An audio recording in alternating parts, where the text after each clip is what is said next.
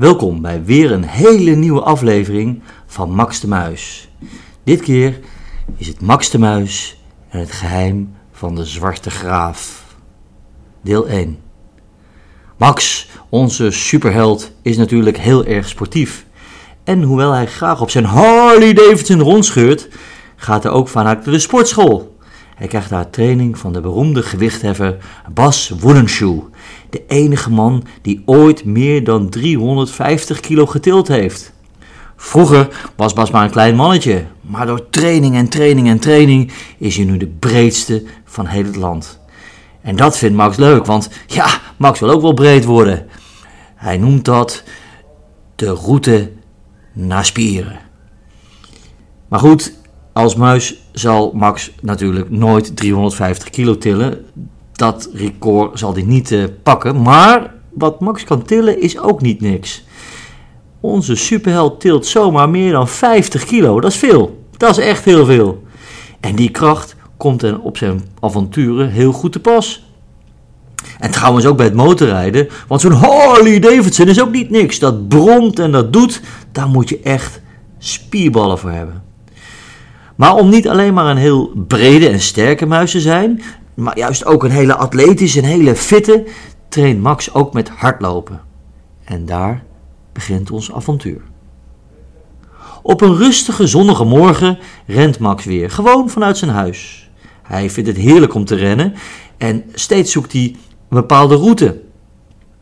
Hoewel eigenlijk, als hij heel eerlijk is, hij altijd standaard linksaf en dan weer rechts en dan komt hij eigenlijk op zijn vaste paadje. Dit keer wil hij een ander rondje dan gebruikelijk.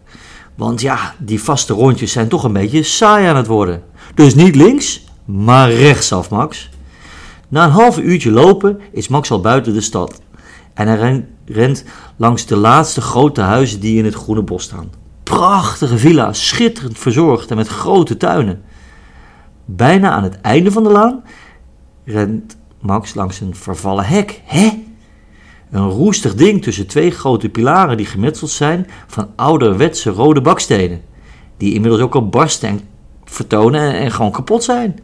En op die pilaren van dat hek staan oude, groen uitgeslagen beelden van roofvogels.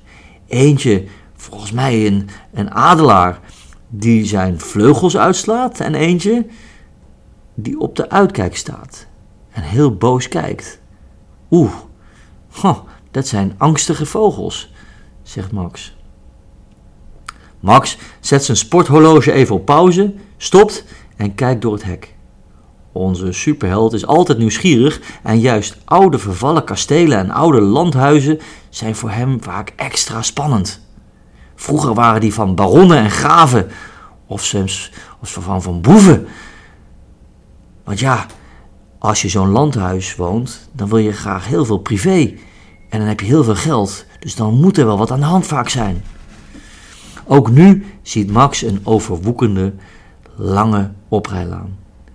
Met in de verte een vervallen huis.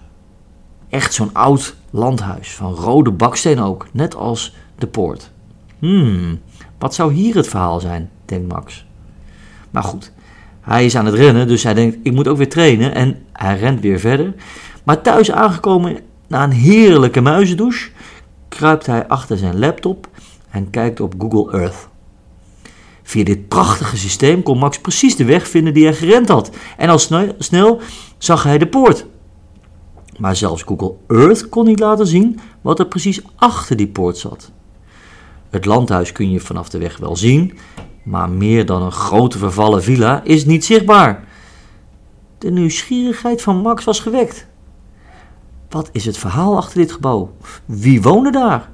Hoe kan het er zo vervallen uitzien op zo'n mooie plek? Tussen al die schitterende villa's. De een nog mooier dan de ander. De een nog beter onderhouden dan de ander. En dan dit? Hè? Normaal zou dit al lang opgeknapt zijn door een slimme huizenmakelaar. Alleen de grond is al miljoenen waard. Vanaf dat moment was het hardlooprondje van onze superheld altijd langs dit mysterieuze pand. En al die keren probeerde Max iets van een teken van leven te zien. Maar het bleef dood en doodstil.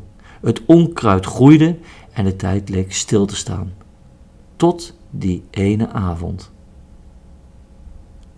Max had het zwaar tijdens zijn loopronde. Hij was moe en eigenlijk had hij al geen zin om hard te lopen die avond. Een superheld kan alleen een superheld zijn en blijven als deze een ijzersterke discipline heeft. Ook als het regent of je bent moe, je weet als superheld, ik moet naar buiten toe. Zonder pijn, geen beloning. Het is een hard leven als superheld, dat is waar. En dat is vanavond niet anders. En het was ook nog eens schemerdonker. Uh, voor je het weet zou het al heel donker zijn. En daar had Max al helemaal een hekel aan. Hardlopen in het donker. Het is juist leuk als je tijdens je rondje een beetje rond kunt kijken, kunt genieten van de zon. Maar s'avonds is het alleen maar beuken. Gaan, gaan, gaan. En hopen dat je niet aangereden wordt. En daarom zit de kleine super, superheld vol met allemaal lampjes die knipperen. Dat ze maar zien. Want ja, als muis ben je natuurlijk niet zo groot. En voor je tijd komt er een scooter en pats, rijdt hij je zo aan. Dus je moet nog voorzichtig zijn ook. Goed, Max gaat weer rennen. En natuurlijk ging zijn route weer langs de mysterieuze villa. Toen Max vlak bij de vervallen villa kwam, zag hij direct dat er iets anders was. Was het het hek waar er sporen op de weg van een, van een, van een koets? Hij stopte direct en sloop richting de poort. En inderdaad, heel in de verte zag hij een vlammetje, waarschijnlijk kaarslicht. En helemaal rechts, helemaal rechts, bijna niet zichtbaar, stond inderdaad een zwarte koets. Met daarvoor één of misschien twee gitzwarte paarden. Wat zou dit zijn? Max bleef een hele tijd wachten, maar toen het echt donker was en het heel koud werd, zag hij de kaars uitgaan en hij besloot dat ook hij naar huis moest. Hij kon hier niet blijven slapen. Had hij wel gewild, maar ja, dat is niet in zijn loopkleren mogelijk. Balen.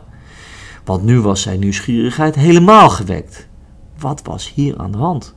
De laatste keer dat hij zo'n zwarte koets zag, was dat in het woud der reuzen waar iedere zaterdagnacht de baron van Tatra naar de beroemde viersprong reed. De zwarte koets hoorde je dan zachtjes komen en midden in de nacht ging hij dan links of rechts, zonder dat je iemand in de koets kon zien. En ook de koetsier was gehuld in een zwarte jas met zwarte handschoenen en een grote zwarte hoed, zodat je niets van zijn lichaam of zijn gezicht kon zien. Alleen als je echt, echt goed keek, zag je zwarte glimmende ogen die behoorlijk angstaanjagend waren. Max kreeg nog de rillingen. Hij heeft de baron nooit kunnen vinden. Zelfs toen hij met zijn Harley Davidson vol gas achter de koets aan ging, verdween deze koets. En je hoorde toen nog wel een naargeestige lach over het geluid van Harley heen. Ah, als Max terugdenkt aan die tijd, dat was heel erg spannend. En ergens in zijn gevoel zegt Max dat het nu weer aan de hand is.